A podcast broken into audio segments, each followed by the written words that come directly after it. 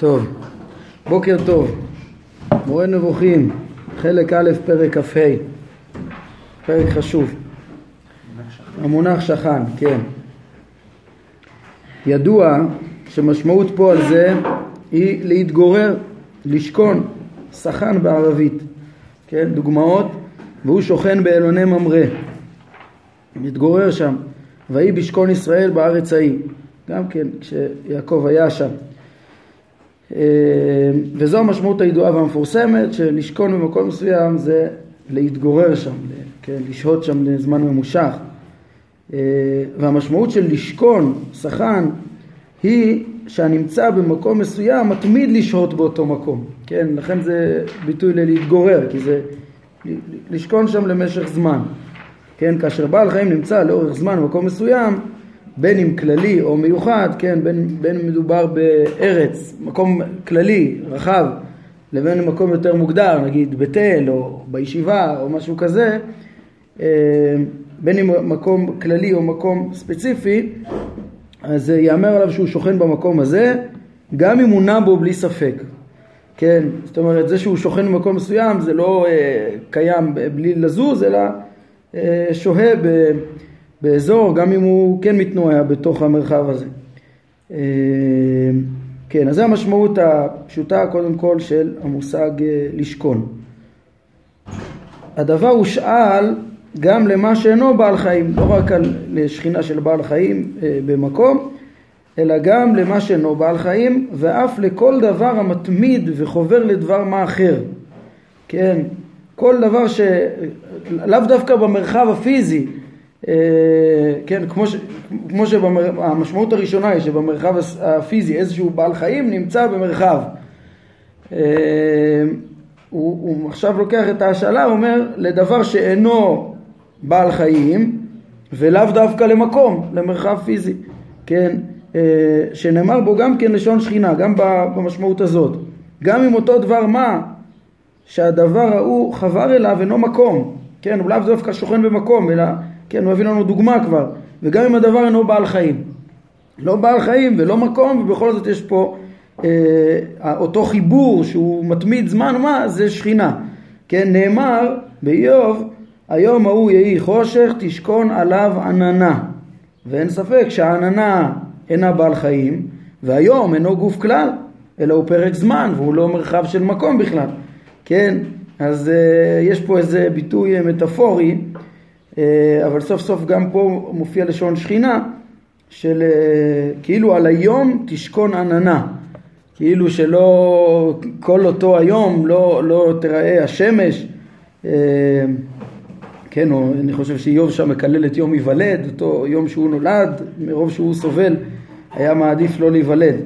אז הוא אומר, כאילו שיהיה כולו חשוך, תשכון עליו עננה, אבל מה זה תשכון עליו עננה? מראה לנו הרמב"ם, הביטוי שכינה זה שבפרק זמן מסוים אה, יהיה דבר שלאו דווקא אינו בעל חיים ומראה לנו את ההשאלה בעצם מהמשמעות המקורית.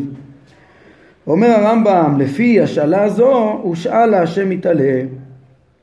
כלומר, להתמדת שכינתו או השגחתו באיזה מקום שהתמידה בו, או לכל דבר שהתמידה בו ההשגחה. כן, מה הכוונה לפי השאלה זו? כן, כדרכו של הרמב"ם בפרקים האחרונים, זה אחרי שאנחנו מבינים שהמושג שכינה לא חייב להיות במרחב הפיזי של, דווקא של גוף במרחב, במרחב פיזי, אז במשמעות הזאת, היינו אה, הרחבה ש, שאינה במישור הפיזי, אז אה, של חיבור דבר עם דבר אחר ב, למשך זמן, אה, זהו שאל על השם. וזה, שימו לב מה הרמב"ם אומר, מה פה דבק במה. אה, מה שוכן במה, מה מתמיד בעצם במה, זה אה, התמדת שכינתו או השגחתו באיזה מקום שהתמידה בו, או לכל דבר שהתמידה בו ההשגחה. יש כאן שני דברים, אה, התמדת השכינה והתמדת ההשגחה. בואו נראה את הדוגמאות ונתבונן בהם טוב, כי זה נושא מאוד מאוד חשוב. אה, וכך נאמר, וישכון כבוד השם על הר סיני. ושכנתי בתוך בני ישראל. ורצון שוכני שנא. כן? אז בכל מופע של הפועל הזה ביחס להשם הוא במשמעות של התמדת שכינתו. כלומר אורו הנברא במקום מסוים. או הרמב"ם אומר לנו פה בפירוש ולא מצריך אותנו לפרש את זה מעצמנו, כן, אז זה פירוש אחד, או, או, או, ש, או שוכן אורו הנברא במקום מסוים, או התמדת ההשגחה על דבר מה. כל מקום לפי עניינו. אז שוב, וישכון כבוד השם על הר סיני, כבר לימד אותנו הרמב"ם, ואת זה ראינו גם בשם אונקלוס. אה, גם, גם בעבר, גם בפרק כ"א, גם לפני כן, ועוד נראה את זה גם בהמשך, שזה אור הנברא, אה, כן, יקרא די השם, כבוד השם, האור הנברא היה על הר סיני, כן, וכבוד השם, אה, כן, כמראה אש אוכלת בראש ההר. וישכון כבוד השם על הר סיני ויכסהו הענן, אז פה זה האור הנברא. כן, פה אני רואה עכשיו, מפנים בפירוש, שהרמב"ם מביא את וישכון כבוד השם על הר סיני, זה בפרק ס"ד, הוא מדבר על כבוד השם באופן כללי שם, אז הוא מפרש האור הנברא שהשם משרה במקום מסוים לצורך רוממות בדרך של נס. כן, שם הוא רוצה לקחת את זה גם ל... להגיד שכבוד השם זה גם עצם היחס של הרוממות שמכבדים את השם עצמו, כן, אבל שם בהר סיני גם היה האור נברא, אה, כמו שהתורה מתארת את המראה שראו. אה, אז זה המשמעות הראשונה פה. התמדת השכינה. השכינה במשמעות שיש אור ששוכן, אור נברא ששוכן. השם לא שייך במרחב של המקום, אבל שיהיה אור אה, שהשם יברא בתוך המרחב של המקום, זה שייך ואז זה דומה למשמעות הראשונה, זה גם בעצם השנייה, כי זה לא בעל חיים, אבל זה לא בעל חיים במקום. האור הנברא על הר סיני, כן? ושכנתי בתוך בני ישראל, פה יכול להיות מתוך ההקשר לפרש שזה, שזה ההשגחה, שהתמדת ההשגחה של הקדוש ברוך הוא על ישראל זה גם מכונה אה, שכינה, כי שכינה זה לאו דווקא כמו שאמר לנו דבר גשמי במרחב גשמי, אלא פה יש פה את בני ישראל והשגחת השם, כל דבר שדבק בדבר אחר בצורה מתמידה, השגחת השם מתמידה על ישראל, זה נקרא שהשם שוכן בתוך בני ישראל. או ורצון שוכני שנא, כן? הרצון של הקדוש ברוך הוא שהוא השוכן בסנה, התגלה למשה כשוכן אה, בסנה, שם במחזה גם כבר דיברנו עליו, שהרמב"ם אמר שמשה ראה אור אה, נברא מופלא לבת אש בתוך הסנה, שהסנה בוער באש ואיננו עוקל, אה, באופן פלאי כזה, היה פה שם מראה פיזי וגם היה שם השגות רוחניות, כמו שראינו נראה לי זה היה בפרק ה', כן, אז, אז שם היה גם את ה, עוד פעם את המראה אה, של האור הנברא במקום מסוים. אה, בעצם שוב, אז זה שתי המשמעויות שהרמב"ם אומר פה, להבין שהשאלה, דבר ראשון לסלק את ההגשמה זה לא, לא חייב להיות במרחב הפיזי, לא דווקא דבר פיזי במרחב של מקום פיזי, אלא שוב דבר דבק בדבר למשך זמן, אז זה יכול להיות האור הנברא שנמצא במקום מסוים, וזה יכול להיות התמדת דבקות ההשגחה האלוקית בדבר מסוים. אה, זה שתי המשמעויות. מה שרציתי להוסיף ולהעמיק, אני חושב שרמזתי לזה גם אתמול, זה שצריך לשים לב שהאור הנברא הוא בעצם אה, תמיד כולל בתוכו את המשמעות השנייה של ההשגחה, כן? וזה עיקר המשמעות של זה גם כן. כשהקדוש ברוך הוא אה, מופיע לעיני כל ישראל בורא אור נברא על הר סיני ו, וכבוד השם שוכן על הר סיני ומכסהו ענן או שענן השם ממלא את המשכן או כל אה, הברואים המופלאים האלה שהם לא טבעיים ומופלאים כמו שהכוזרי אני חושב מתאר את זה ענן שלא מזיזהו הרוחות לא מזיזות אותו הרוחות זאת אומרת יש איזה פלא שהקדוש ברוך הוא אה, יוצר אה, ומשרה את אותו אור נברא, אז מה, מה העניין? מה העניין של, ה, של האור הזה? העניין הוא תמיד לפרסם, קודם כל זה ביטוי להשגחה, זה, זה, זה פעולה של הקדוש ברוך הוא שהוא יוצר פה במקום הזה אה, את אותו פלא. וכשרואים את אותו פלא אז זה ברור שהקדוש ברוך הוא משגיח פה בצורה ישירה, אין פה שום חוק טבעי ש, שיוצר את הדבר הזה. וזה עיקר מה שזה מלמד. זה מפרסם לכל ההמון ולכל מי שרואה את זה, אה, את מציאות השם ואת אה, השגחתו בעצם על מי שהוא מישהו שהוא שם להם עמוד ענן או עמוד אש או, או מופיע את אותו ענן על המשכן או אור בראש ההר זה בעצם אה, התגלות אלוקית שבעיקר מבטאת את ההשגחה האלוקית. בצורה יותר עמוקה אפילו זה השריית השכינה, הרמב"ם גם אה, כן קורא לנבואה, לנבואה גם כן השריית שכינה זה, נכנס פה בתוך המושג השגחה, השגחה והשריית שכינה, שתי המשמעויות שהרמב"ם אומר פה. כן, אה, חז"ל אומרים שמשה ביקש ולפנינו אני ועמך, מה שכתוב בפסוק, אומרים שבבא בתרא שמשה ביקש שלא תשרה שכינה על אומות העולם. כן, ושלא יהיה נביא כמותו גם כן. אה, ונפלינו אני ועמך. מה זה שלא תשרה שכינה על אומות העולם? זה שלא יקבלו נבואה. זה, הנבואה זה גם כן בעצם שיא של אה, אה, השראת שכינה, בעצם פנייה של הקדוש ברוך הוא לנביא והשפעה לתודעתו, זה גם כן, כן, הקדוש ברוך הוא יכול לברוא, אה, אור נברא לסוגיו, ויכול להשגיח, ואמרנו שכל פעם שהוא מופיע אור נברא זה השגחה, והוא יכול גם ל... אה, לגלות נבואה בדעתו של הנביא ולהשפיע עלו שפע של השגות, להתגלות אליו בתודעתו, שגם זה בעצם השגחה והתגלות, וזה, אה, המשמעות הזאת היא מאוד חשובה, שזה גם כן השראת שכינה, שהוא משרה שכינתו על ישראל, על הנביאים, על הנביא. זה משמעות מאוד חשובה גם כן להבין את המושג שכינה בעצם, שהרמב"ם בא להסביר בפרק הזה. שכן, אולי אני, אני אציין את זה. הרמב"ן אה, השיג על המושג הזה של, ה, של הפירוש שהשכינה זה אור נברא, כן?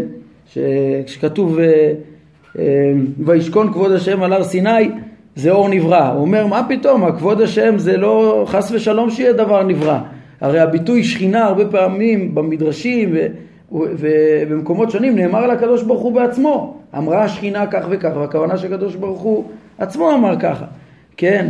אז הרמב"ן התנגד כאילו לפרש שזה, אה, שהשכינה זה אור נברא. אבל אם מעמיקים, אז אני חושב שאין מחלוקת אה, כל כך. למה? ברור לרמב"ן גם כן שהיה אה, אורות נבראים. זאת אומרת, היה עמוד ענן, והיה מראה אש אוכלת בראש ההר, והיה אה, ענן שמלא את המשכן. זה ברור שהיה מושג כזה גם כן אה, אורות נבראים, וזה לא השם בעצמו, חלילה. כן, אה, הוא לא איראני האדם וחי, ברור שלא שייך להשיג אותו בחושים. ומה שהרמב"ן כן מחפש, את, את המושג שכינה, זה בעצם השגת השם. זה השגת כבוד השם, כמו שהרמב"ם מלמד אותנו בפרק אה, ס"ד. שזה איך שהנבראים מכירים אותו, זה נקרא כבוד השם. כן? כל המושג של ההופעה של האור הנברא זה רק כלי שעל ידו מכירים את השם, ככה השם מפרסם את עצמו לכולם, ואז כולם מכירים אותו, את, אותו בכבודו ובעצמו, כן? ו, וזה בעצם גם המושג שכינה אצל הרמב"ן, איך שאנחנו מכירים את השם, איך שאנחנו מכירים את השם. אצל המקובלים זה נקרא ספירת מלכות, איך שמכירים את השם כאדון העולם וכולי, זה לא הנושא שלנו כרגע, אבל היה חשוב לי כן להעמיק את המושג שכינה, להבין אותו טוב לעומק גם אצל הרמב"ם ולהבין שגם אצל הרמב"ם יש בחינה שכשהשם אה, בורא אור נברא זה לא סתם אור נברא וזהו, יש פה, אה, יש מושג גם של השראת השכינה בזה שהוא מתגלה, מתגלה גם בתודעה, בתודעה של הנביא או בתודעה של כל מי שרואה את האור נברא, משגיח ומתגלה ומתגלה. אה, זה, זה בעצם משרה שכינתו גם. אז אם השם, נגיד, אה, משרה שכינתו במקום המקדש, בבית קודשי הקודשים, אז כל המשמעויות פה צריך לדייק, וזה מאוד חשוב, לא להשאיר את זה כאיזה מושג חמקמק שבקלות גם מטעה בהגשמה, כן? כי השם בעצמו הוא לא במקום והוא לא, לא, לא נכלל במרחב של מקום, אלא שתי המשמעויות שהרמב"ם אומר פה. אה, כן, אנחנו נראה בהמשך בפרקים על והיו עיניי וליבי שם כל הימים, שנאמר על המקדש, שזה רצוני והשגחתי, כן, ליבי זה רצוני, עיניי, השגחתי, אז יש את המושג שהשם משגיח על המקום הזה, כן? ואנחנו גם יודעים שהיו נעשים שם ניסים מתמידים, כן? משה שומע את הכל מדבר משם, יש שם גם דברים שאתה, של אור נברא, יש אש שיורדת מלמעלה. אז שוב, הקדוש ברוך הוא אה, משגיח על המקום הזה, כולם משיגים את השם, כבוד השם מלא את המשכן, ראינו שכל מי שרואה את המשכן מכיר את השם יותר. אז השם בעצם, בעצם זה שציווה אותנו על המשכן, ו, ו, והניסים שנעשים שם, הוא מתגלה, ל, ל, יש פה נוכחות אלוקית של השם בעצמו, כן? הוא משגיח ומתגלה שם ונודע על ידי המקום הזה. זה גם נקרא שכינה, כבוד השם. בסעיף, בפרק ס"ד יש, כבוד השם מראה את המשכן, דרך אגב אם כבר מדברים על זה אז זה פרק משלים ומקביל לפרק הזה גם, פה אנחנו מדברים על שכינה ושם הוא מדבר על כבוד השם. כבוד השם, גם בו יש את אותן משמעויות, יש את האור הנברא שאונקלוס מדבר עליו, כן, והרמב"ם מביא את זה גם במשמעות הזאת של אנחנו ראינו כבר, דיברנו על כבוד השם מלא את המשכן, שדיברנו על המונח מלא. שם הרמב"ם אומר שזה כמו מלוא כל הארץ כבודו. מלוא כל הארץ כבודו, שם זה לא אור נברא, זה רק שמכירים אותו. אז כבוד השם מלא את המשכן, זה, כן, זה מבטא את השלמות של ההתגלות האלוקית, השלמות שמשיגים אותו. בפרק ס"ד הרמב"ם מביא את אה, כבוד השם מלא את המשכן, במשמעות של האור הנברא שממלא את המשכן. כי שניהם נכונים. על ידי גם האור הנברא שבמשכן, שהוא מגיע בהשגחה אלוקית, השם גם נודע, והוא עצמו מתגלה, כבוד השם. עוד פעם, אז השכינה וכבוד השם, אני מקווה שאני מספיק ברור. יש פה אה, השריית שכינה, הופעת אור נברא, ושזה ביטוי להופעת ההשגחה. לפעמים יש רק השגחה, בלי אור נברא, אבל גם תמיד שיש אור נברא זה ביטוי להשגחה ספציפית במקום הזה. ו... וזה גם התגלות תמיד. כן, גם במושג שכינה, כבוד השם, כמו שהרמב"ם מסביר על כבוד השם, זה לא תמיד רק האור הנברא, זה הצד ה... לפעמים יש גם אור נברא, שהתורה מתארת, שהתגלה, איזה ענן או משהו כזה, או איזה מראה שראו במציאות או בדמיון, כן, אבל העיקר הוא, כן, ההשגחה וההתגלות בהשגה, שמכירים אותו, זה גם, אה, גם זה אה, אה, כבוד השם אצל הרמב"ם, שהבני אדם מכירים אותו. על ידי האור הנברא או על ידי המציאות, על ידי כל הארץ מכירים אותו ואת שלמותו ועל ידי המשכן מכירים אותו ואת שלמותו ועל ידי האור הנברא שבמשכן מכירים אותו ואת שלמותו אבל הרמב"ן מדבר על בחינת השכינה של הכרת השם שהרמב"ם מדבר בפרק ס"ד כן ויש מקומות שבאמת כשמדובר על, על השכינה בתור השם זה איך שהשם פונה אלינו איך שהשם איך שאנחנו מכירים את השם. בסדר? זה הכבוד השם משמעות השנייה. אז זה פרק מאוד מאוד חשוב, וצריך לקחת ממנו גם את הרחקת ההגשמה, שחלילה שהשם יהיה במרחב של המקום, והמושג שכינה, לא לחשוב שהשם נמצא במקום, וגם את ההבנות המדויקות של אה, אה, מה כן, בצורה חיובית, מה כן אנחנו לומדים פה. כל מקום, אומר הרמב"ם, ללמוד מההקשר. האם מדובר שהיה שם איזה אור נברא שלימד על ההשגחה ודרכו הכירו את השם, או שלא היה אור נברא ומתואר פה רק את ההשגחה, או רק את ההשגה של הנביא, שהוא, או את הנבואה שהוא קיבל וכדומה. בסדר? זה לגבי המושג שכינה, מושג יסודי ועמוק שנמצא פה כל הזמן מאחורי הפרקים, כשמדברים על אור נברא ו... וכולי, ועל ההתגלות האלוקית, השם יורד, צריך להבין פה ניצלנו את הדברים להבין קצת יותר לעומק, את המושגים. שתי משמעויות שהרמב"ם אומר פה שהן שייכות וקשורות וחלילה לא במשמעות הגשמית. כן.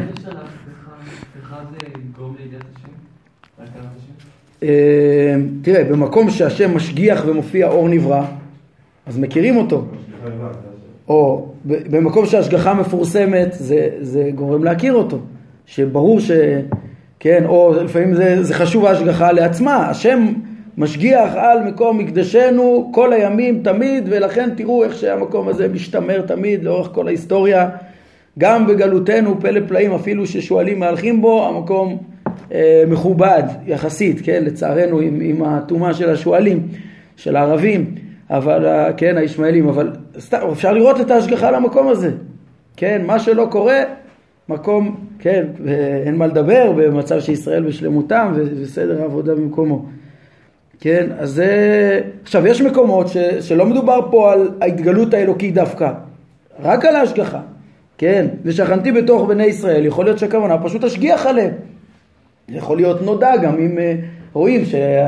שישראל שורדים בהיסטוריה בצורה לא, לא, לא מתאימה להסתברות של הסטטיסטיקה הרגילה של ההישרדות, כן, אז, אז זה גם כן אה, יהיה נודע.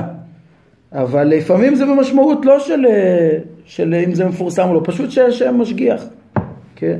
השגחה דבקה, או השגחה או השריית שכינתו בכבוד נברא, ואני הוספתי ש, שבעצם יש מקומות שזה נאמר גם במשמעות של אה, התגלות נבואית, או כן, או כבוד השם, במשמעות של הכרת השם, שלפעמים זה נובע מהאור הנברא, הרבה פעמים זה מה שמבטא האור הנברא, כנראה זה מה שחיפש הרמב"ן. כן, נמשיך. אפילו אם הוא רק מתגלה דרך הנביא ואף אחד לא יראה את זה, זה חשוב השגחה? אה, אם אשר, הוא השגיח על הנביא, השגיח על הנביא והתגלה אליו. שם זה... לאו דווקא, כן, השגחה של הבורא זה, זה בדרך כלל מדובר על התערבות ואיזוש, ב, ב, במציאות שלא כסדר חוקי הטבע הרגילים שהוא מקיים. הכל הקדוש ברוך הוא מקיים כל הזמן. אבל לבוא ולפנות וליצור דבר חדש ולהודיע איזה מסר לנביא ולברוא אור שלא כסדר הטבע זה ביטוי של פעולה, של השגחה וכן להגן על ישראל אה, ו... או לדון אותם לפי מעשיהם ולא לפי סדרי הטבע זה התערבות במציאות, כן. למה כאילו אתה מתאר את זה בתור אה, שוכן, כאילו זה לא משהו מתמיד, זה אירוע חד פעמי של... הוא שכן בסנה באותו מעמד שהיה או במציאות או במראה הנבואה של אברהם, של אה, משה. התמדת שכינתו או התמדת השגחה, כאילו. לא, זה, המוס... זה, זה, זה המושג שוכן. שוכן זה משהו שמתמיד זמן מה, כמה זמן?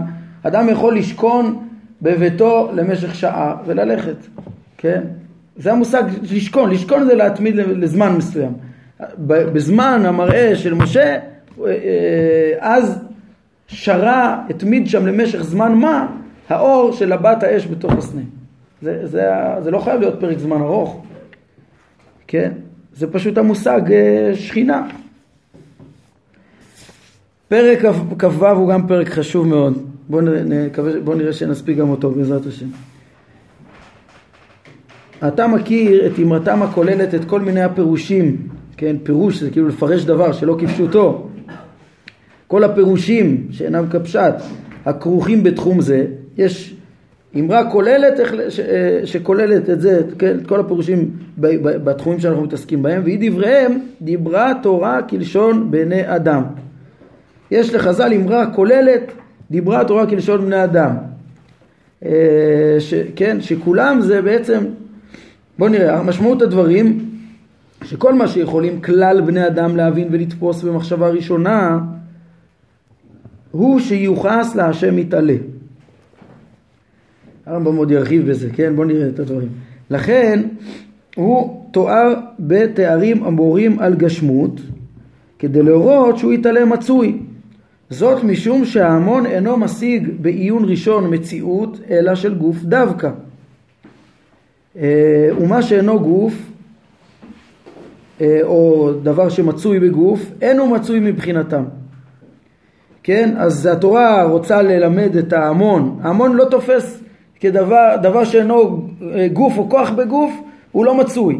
אז אם התורה רוצה ללמד על מציאות השם ומציאות דברים רוחניים אז כדי שיבינו שהם מצויים, התורה מדברת כלשון בני אדם, מצוי במושגים של בני אדם. אז הם ידברו על גוף או כוח בגוף, כי רק זה מה שמצוי. וכל מה, כן, הרמב"ם מאוד יעריך בזה, יש, יש עוד uh, שלושה פרקים ש, שהרמב"ם עוסק בביאור המושג הזה, דברי התורה כלשון בני אדם, זה גם בפרקים מ"ו, מ"ז ומ"ט, שם הוא, מה שהוא אומר פה בפרק הזה בצורה מאוד קצרה, שם הוא מרחיב הרבה יותר, איך שזה ממש הכרחי, כן, אה, ככה ללמד את ההמון. כי, כן, אה, בעצם יש פה קושייה מאוד קשה, איך, אה, איך התורה בעצם מלמדת, מדברת במושגים לא מדויקים לכאורה, כן, ואיך היא מטעה, הרי יש בפרקים ל"ה ול"ו, הרמב"ם כותב על החומרה העצומה שיש בטעות של ההגשמה.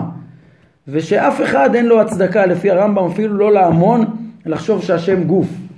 ואם ככה מתעוררת אה, שאלה קשה, איך התורה כאילו מחנכת לזה, שהיא משתמשת בביטויים שהם, הם, אה, עליהם מסתמכים אה, ההמון, וזה מה שמביא אותם לחשוב שהשם גוף, כי כתוב צלם אלוקים והם מבינים תבנית איברים ותמונת השם יביט ו, וכל הזמן ביטויים שלכאורה הם מתארים תנועה במרחב וכדומה, שזה רק בגופים, אז איך התורה משתמשת בדבר הזה?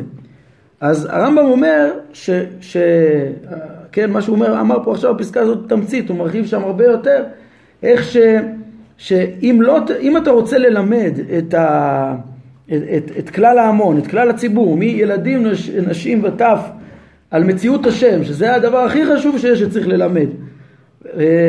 והם לא מבינים מה זה מציאות מופשטת, שאינה גוף. אם תלמד אותם שאינה גוף, הם יחשבו שהוא לא, הם יבינו שהוא לא קיים, חלילה. כן? אז כדי ללמד את המציאות, את מציאות השם, חייבים לדבר במשמעות שהם מבינים מציאות, כן? מציאות השם.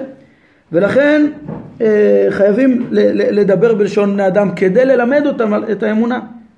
עכשיו שימו לב איך, איך יש פה גם תחבולות, איך ללמד אותם את המקסימום ש, ש, של היחס הנכון לקדוש ברוך הוא בבחירת מונחים אפילו לפי הבנתם.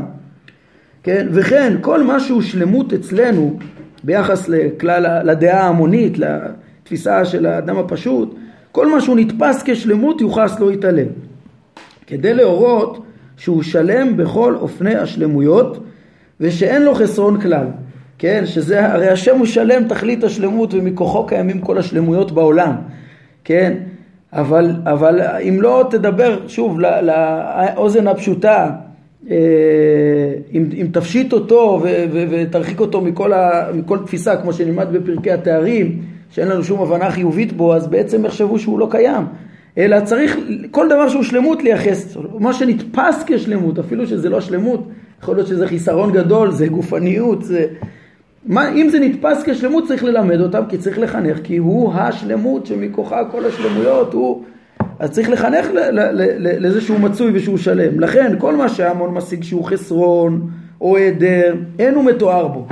כן, התורה בשום מקום לא תתאר אה, את, ה, את הבורא בתארים שנתפסים כחיסרון לדעה ההמונית. כן, מסיבה זו אין הוא מתואר לא באכילה ולא בשתייה ולא בשינה ולא בחולי ולא בעושק, כן, איזה קלקול עיוות מוסרי חלילה, כן, ולא, ולא בדומה לכך.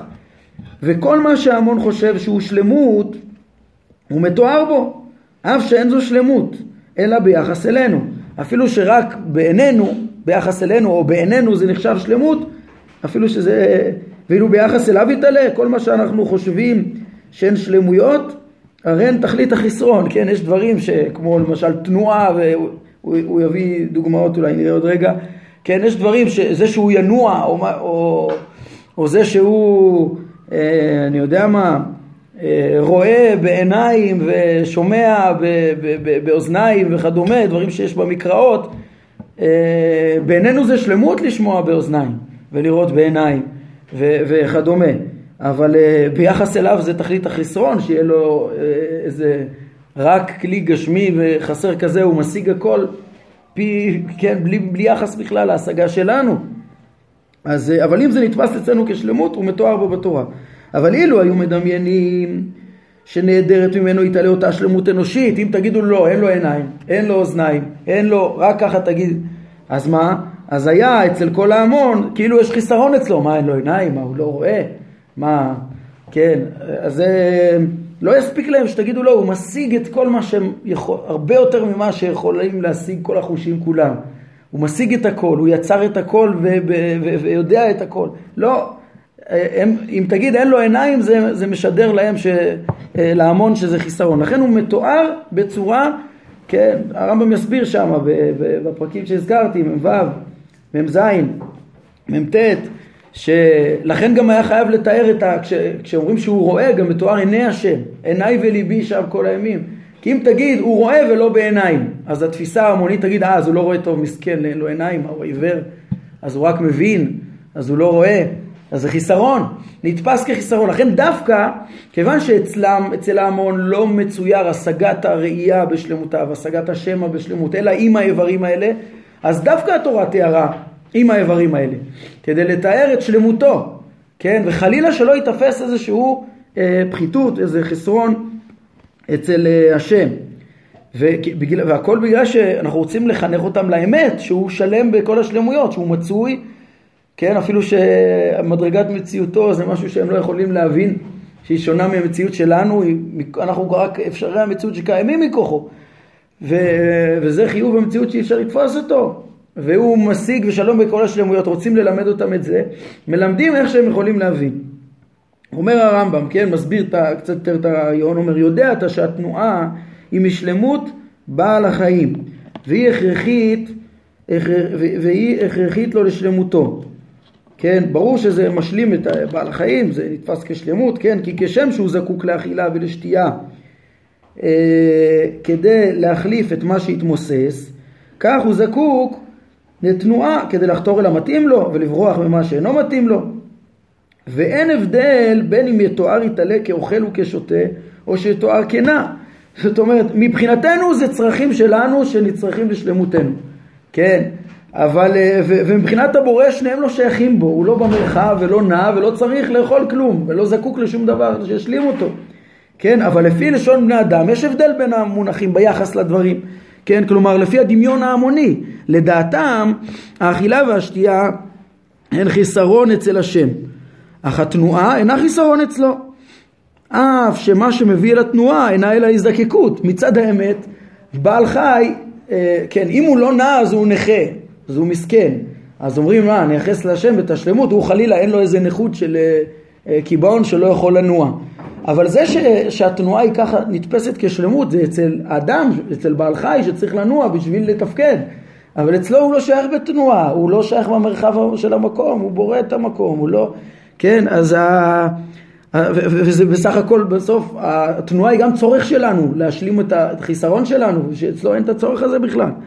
לכן מצד האמת לא שייך לייחס לו את הדברים האלה. מצד ההמון זה מאוד משמעותי לייחס לו את זה שלא יתפסו אצלו חיסרון כן והרמב"ם מאיר לפי האמת טוב אפשר לה, לה, לה, להשלים בכמה דקות או שכן אז ננסה להשלים את הפרק כרגע. אמ,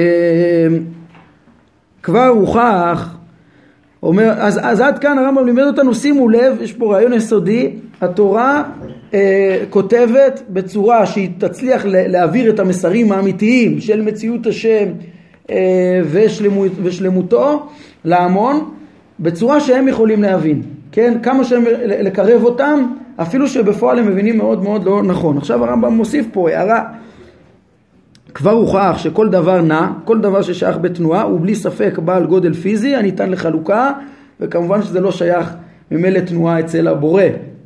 האחד שאין בו שום הרכבה וחלוקה ולא שייך בו תנועה בכלל ועוד יוכח שהוא יתעלה אינו בעל גודל ולכן לא, אין לו תנועה ברור שאין לו, הוא לא גודל, הוא לא, זה מושג ששייך בחומר, אה, גודל במרחב הפיזי ואין לו תנועה אז זה פשיטא, וממילא אין גם, אין לתאר אותו גם כנח.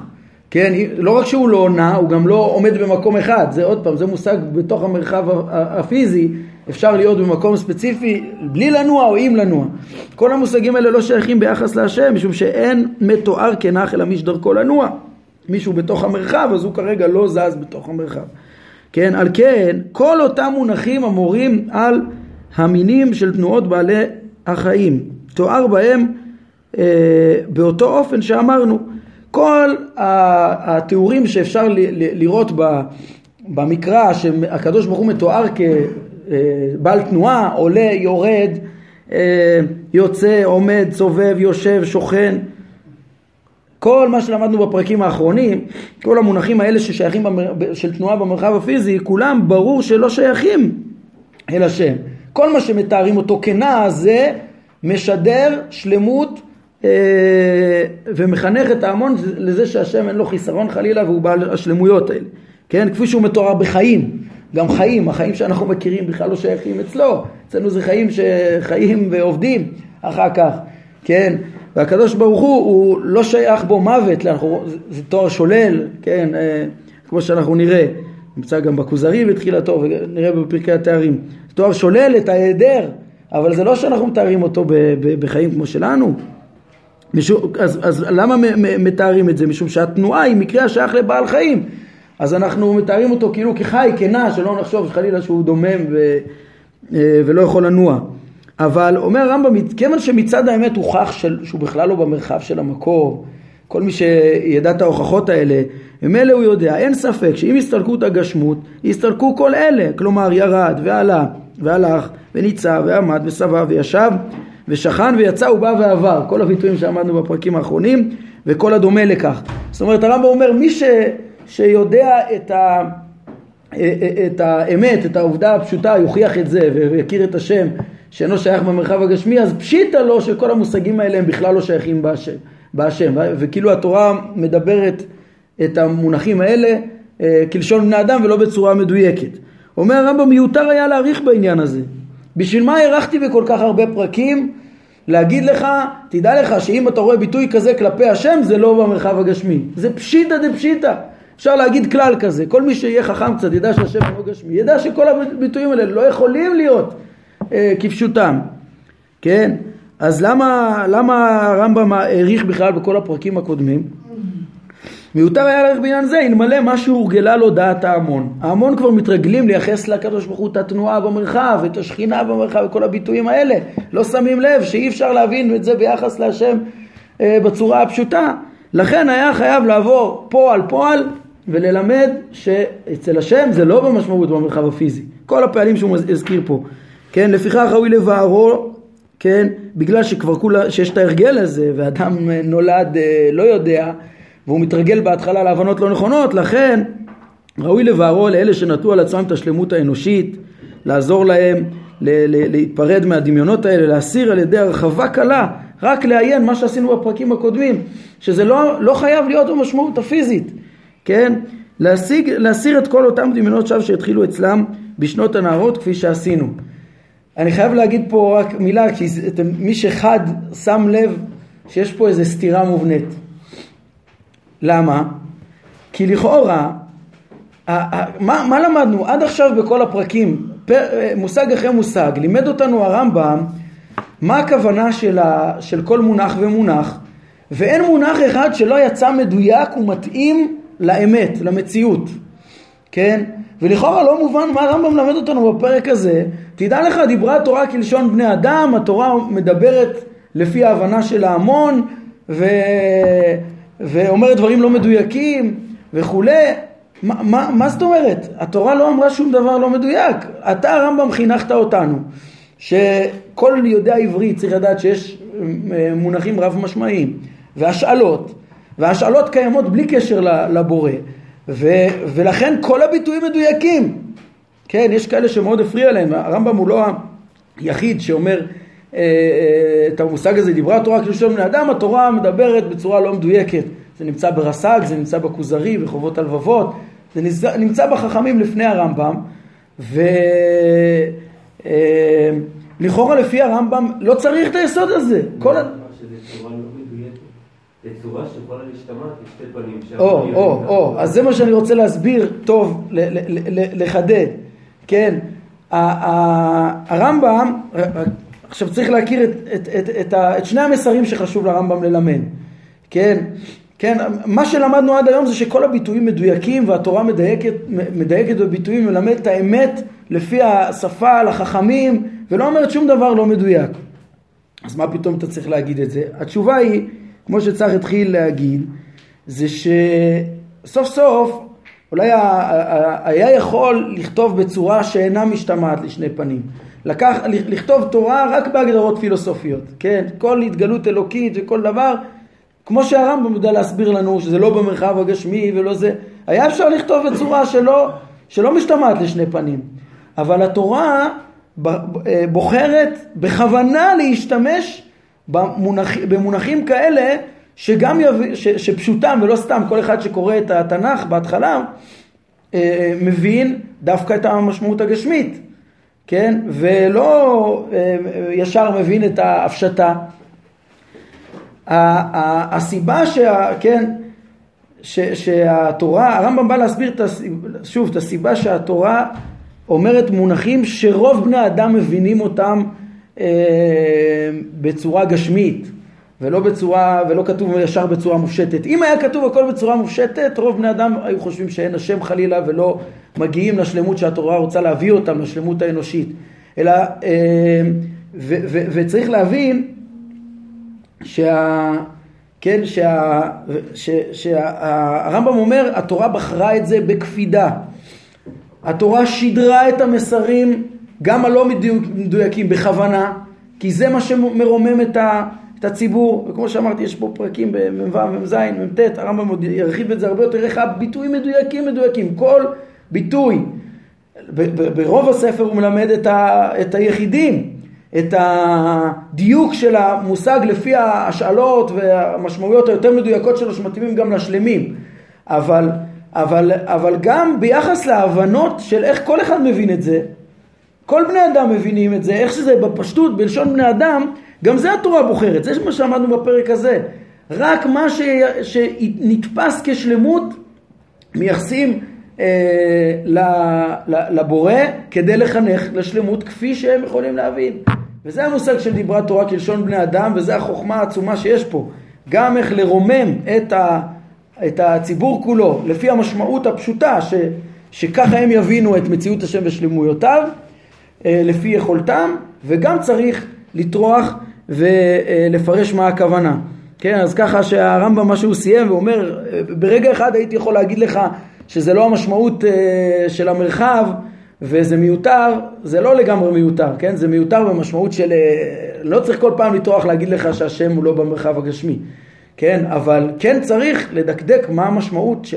שהתורה מלמדת וככה מגיעים להרבה הבנות עמוקות.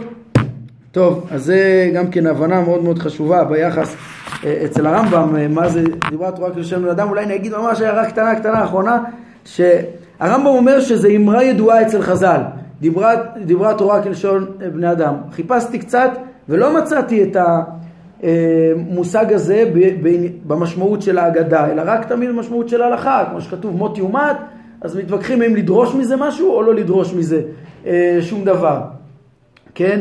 אה, כאילו המש... רבי ישמעאל אומר, דיברה תורה כלשון אדם, ככה בני אדם אומרים, מות יומת, תימצא תימצא. אה, זה לא לדרוש פה איזה משהו. אני חושב שהמשמעות הזאת היא לגמרי מתאימה פה. כן, כאילו ההבנה שהתורה כותבת איך שבני אדם מדברים, איך שהם יבינו זה הכוונה. כן, הרמב"ם, אם מבינים לפי מה שאמרנו עכשיו, זה, הרמב"ם לא אומר דיברה התורה כלשון בני אדם כמו שרס"ג אומר. התורה באה להגיד בצורה לא מדויקת, התורה מדברת, כן, ואז אף פעם חז"ל לא אמרו את זה.